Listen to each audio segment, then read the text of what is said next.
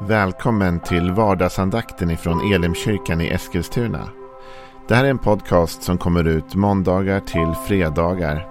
Om du vill veta mer om vilka vi är, vad vi tror på, hur du kan komma i kontakt med oss eller vad vi kan erbjuda dig för någonting så gå in på www.elimkyrkan.com.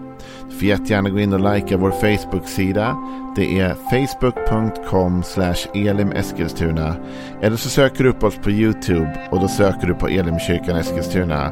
Vi vill jättegärna komma i kontakt med dig. Men nu lyssnar vi till dagens andakt. Välkommen till vardagsandakten. Jag heter Joel Backman, och jag är pastor i Elimkyrkan Eskilstuna. Innan vi tar dagens bibelord eller andakt så vill jag ge dig ett tips. Och det är att gå upp och kolla på Bromma folkhögskola och bibelskola tillsammans. Det är en bibelskola som vi gör i samarbete med Bromma folkhögskola. Och du kan gå två dagar i veckan under hösten. Det är en halvfartsutbildning, du kan få CSN-bidrag. Och då läser du här i Eskilstuna på tisdagar och onsdagar under ett halvår. Gå upp och kolla Bromma folkhögskola så kan du hitta den kursen där. Vi har haft ett långt tema på vardagsandakten som har handlat om Ordspråksboken. Och nu är vi färdiga med det, så nu måste vi hitta på något nytt. Men innan vi hoppar in i något nytt tema så tänkte jag bara ta några strö, någon strödag och bara ta något bibelsammanhang och dela någon tanke om det. Och då är vi i Matteus, det åttonde kapitlet idag. Där Jesus talar om lärjungaskap. Faktum är att i min bibelöversättning som är Folkbibeln 2015 så har det här bibelsammanhanget fått överskriften eller rubriken Lärjungaskapets krav. Och vi läser tillsammans, det är från Matteus 8, vers 18. När Jesus såg att det samlades mycket folk omkring honom befallde han att man skulle ta sig över till andra sidan sjön.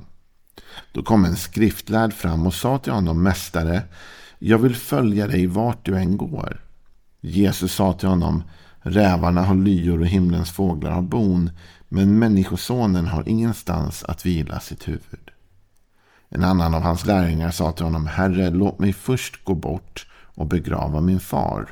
Och Jesus svarade, Följ mig och låt de döda begrava sina döda. Det här är några av de svar som Jesus ger som jag har verkligen haft svårt att förstå ibland. Han talar till synes lite grann i gåtor kan man tycka.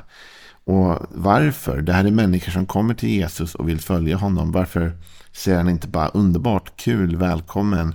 Han, alltså Jesus som själv gick ut och ropade till sig folk och sa kom och följ mig. Varför är han tveksam här? Eller vad är det som gör att han känner att han behöver säga de här sakerna egentligen? Det första är att förstå vad som håller på att hända. Det är mycket folk. Det står att Jesus ser att det samlas så mycket folk omkring honom att han inser att vi behöver byta plats. Vi kan inte vara här. Det är för trångt. Det är för, för litet utrymme. Vi behöver röra oss. Han befaller då att man ska ta sig över till andra sidan sjön. Vi kan ju fundera på varför. Jag vet inte. Jag kan tänka mig att Kanske var det mer utrymme där då. Eftersom Jesus sa okej, okay, vi blir mycket folk. Det är ungefär som om man har en samling i kyrkan och så har man tänkt att man ska vara i en av de mindre salarna och så inser man att åh nej, vi blir för många, vi får nog gå in i kyrksalen. Kanske var det något sånt som händer. I denna förflyttning så kommer en skriftlärd, alltså en, en kunnig person vad det gäller Bibeln och, och, och det gamla förbundet då, fram och säger till Jesus mästare eller rabbi. Det är egentligen det här ordet för läromästare. Va? Jag vill följa dig vart du än går. Jag tror man måste se att det här ligger i den kontexten. Han har lyssnat på Jesu undervisning. Han är själv lärd. Och han blir imponerad av det Jesus undervisar.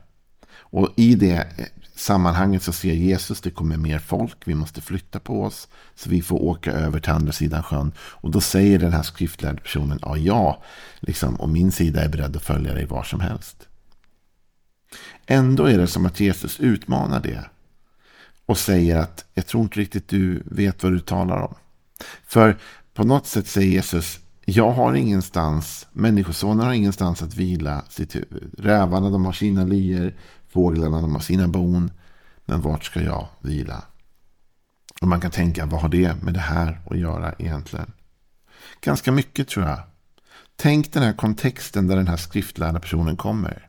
Han hör Jesus undervisa. Det är jättehypat. Det är hur mycket folk som helst. Och alla vill vara med i hypen. Jag vet inte om du har upplevt det, men jag har upplevt det. Känt det i mitt eget liv och sett det på andra platser. du vet, där det händer mycket, där vill man vara. När det är full fart i kyrkan och det är mycket folk och det är liv och rörelse. Ja, då vill alla vara med.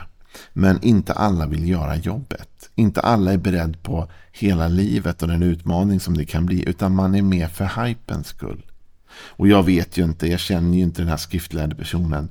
Eh, och ingen av oss vet ju vem det var. Men någonting säger mig när jag läser den här texten att kanske han var där lite för hypen. Och Jesus, han skruvar åt ett annat håll och säger du ska veta att det är inte bara hype. Alltså människosonen som här nu är upphöjd och som har folk runt omkring sig och vi måste till och med byta plats för det är så många som vill lyssna. Han har så mycket att han har ingenstans att vila ens. Det är inte bara glitter och glamour. Allt är inte guld som glimmar. Och jag tror att när vi talar om lärjungaskap så är det så viktigt att förstå det. Jesus söker ju lärjungar, hängivna, överlåtna lärjungar. Han söker inte bara människor som kommer till hypen, till partyt. Utan han söker ju människor som vill följa med honom och vandra med honom. Och den resan innebär hype ibland. Alltså när vi väljer att vara lärjungar till Jesus och vi försöker tjäna honom i vårt liv. Då kommer vi hamna i situationer då det känns så fantastiskt underbart. Då allting bara är perfekt och, det, och människor kommer till tro och det är mycket folk och det är under och tecken kanske. Mirakel av olika slag och the hype is on. Och allting känns bra liksom. Men om vi vill vara riktiga lärjungar till Jesus så är det inte bara hypen utan det är hela livet. Alltså jag har ju människor som såklart delar livet med mig. Som kommer på när man bjuder till ett födelsedagsparty. Eller som kommer när man bjuder till en samling eller ett event eller någonting. Då kommer de.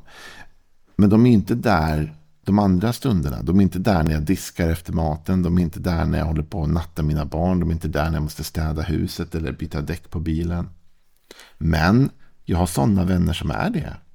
Jag har vänner som kommer hem till mig och byter däck på mina bilar tillsammans med mig. Eller jag har vänner som kommer hem till mig och äter med mig och min familj. Och som finns där för mig när allt inte är härligt.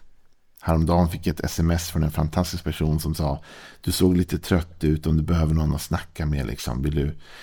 Bara den här vänskapen, omsorgen, kärleken. Men inte alla vill göra den resan. Ändå är det det vi utmanas till med Jesus. Det är inte att dela festen, utan det är att dela livet, dela kallet. Att vara en Jesu lärjunge handlar om hela livet. Och det är det Jesus tror jag försöker få den här skriftlärda personen att förstå. Du får gärna bli min lärjunge.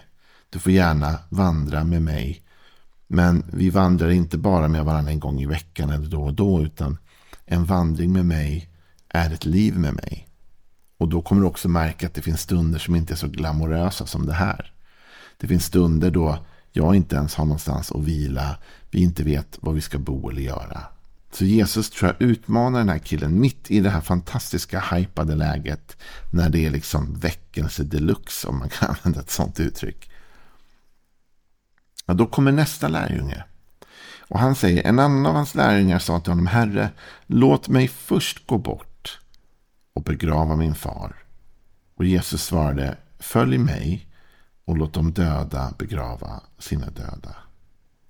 Det finns många olika sätt att försöka förklara det här på. Jag har hört alla möjliga beskrivningar av att eh, kanske det var så att på den här tiden att när man ibland sa att man skulle stanna och begrava sin far så är det inte ens säkert att farsan var döden. Det kan ha varit så att han menar jag måste stanna här med min pappa tills han är död och begravningen och allt gjort, då kan jag följa med dig ungefär. Och det kunde ju varit många år eller så. Jag vet inte om det är så. Bibeln ger mig inte de svaren och jag är för dåligt insatt. Jag vet bara det att Jesus har befallt dem att fara över vattnet. Precis så stod det. Att när Jesus såg att det samlades mycket folk omkring honom befallde han att man skulle ta sig till andra sidan sjön. Och en av dem då som har redan valt att följa Jesus, en av hans lärjungar som vandrar med honom, vill skjuta på det här. Va? Kanske sen. Kanske vid ett annat tillfälle. Men Jesus säger, det är nu, det är nu vi ska gå. Det är nu befallningen går. Och vet du, jag tror att när, att vara en lärjunge till Jesus, det handlar om att vilja bli som Jesus. Det här handlar inte om att bli älskad av Jesus, för alla människor är älskade av Jesus. Det här handlar inte om att vara perfekt eller att man alltid måste ge allt. Men det här handlar om de som vill vara lärjungar. Som säger jag vill lära mig av dig, jag vill bli som dig Jesus, jag vill leva med dig. Då är det ett liv. Då är det för det första som Jesus sa, inte bara i de hypade stunderna, utan det är även när det är jobbigt. Och det är inte bara när det är bekvämt eller när det passar oss.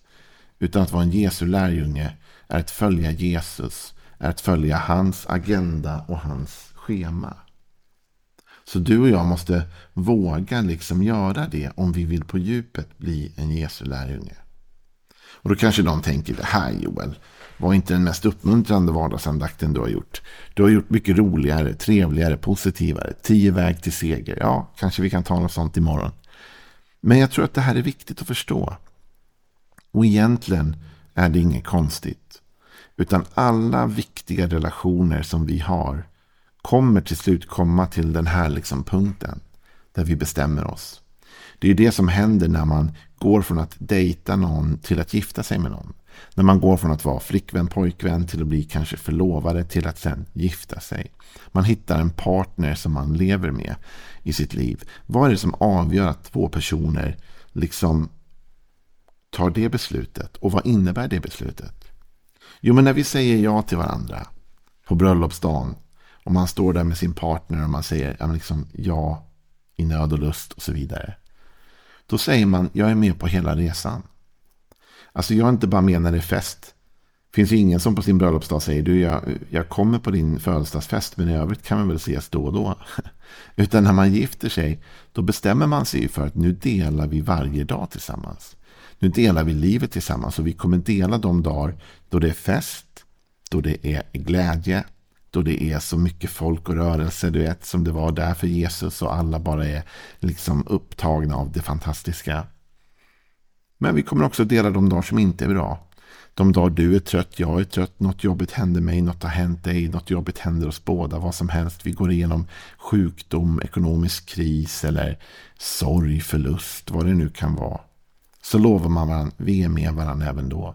Även när vi inte hittar någon plats att vila vårt huvud så hänger vi ihop. Och jag sätter inte en massa andra saker före. Det är inte så att jag ursäktar mig för att följa med dig utan när du går, då går jag då går vi. Och det är det här som jag tror Jesus är ute efter med oss. Inte att tvinga oss till någonting, men att erbjuda oss ett liv med honom. Och vet du, även om det kan vara utmanande och lärjungaskapet har ett pris. Jesus talar om att ta upp sitt kors och följa honom. Så är det ändå något fantastiskt att få vara en Jesu lärjunge. Det är faktiskt det bästa liv du kan leva. Och det kommer ge dig så mycket tillbaka. Den prislappen kommer du inte ens liksom känna av i slutändan. Utan du kommer känna att det var värt det.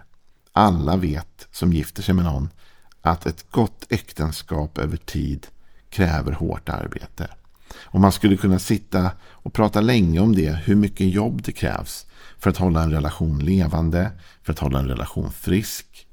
Det är ju ena sidan av myntet. Men den andra sidan av myntet är att tala om hur mycket det också kommer ge. Och de flesta människor som har levt ett helt liv ihop är ju glada att man tog det jobbet.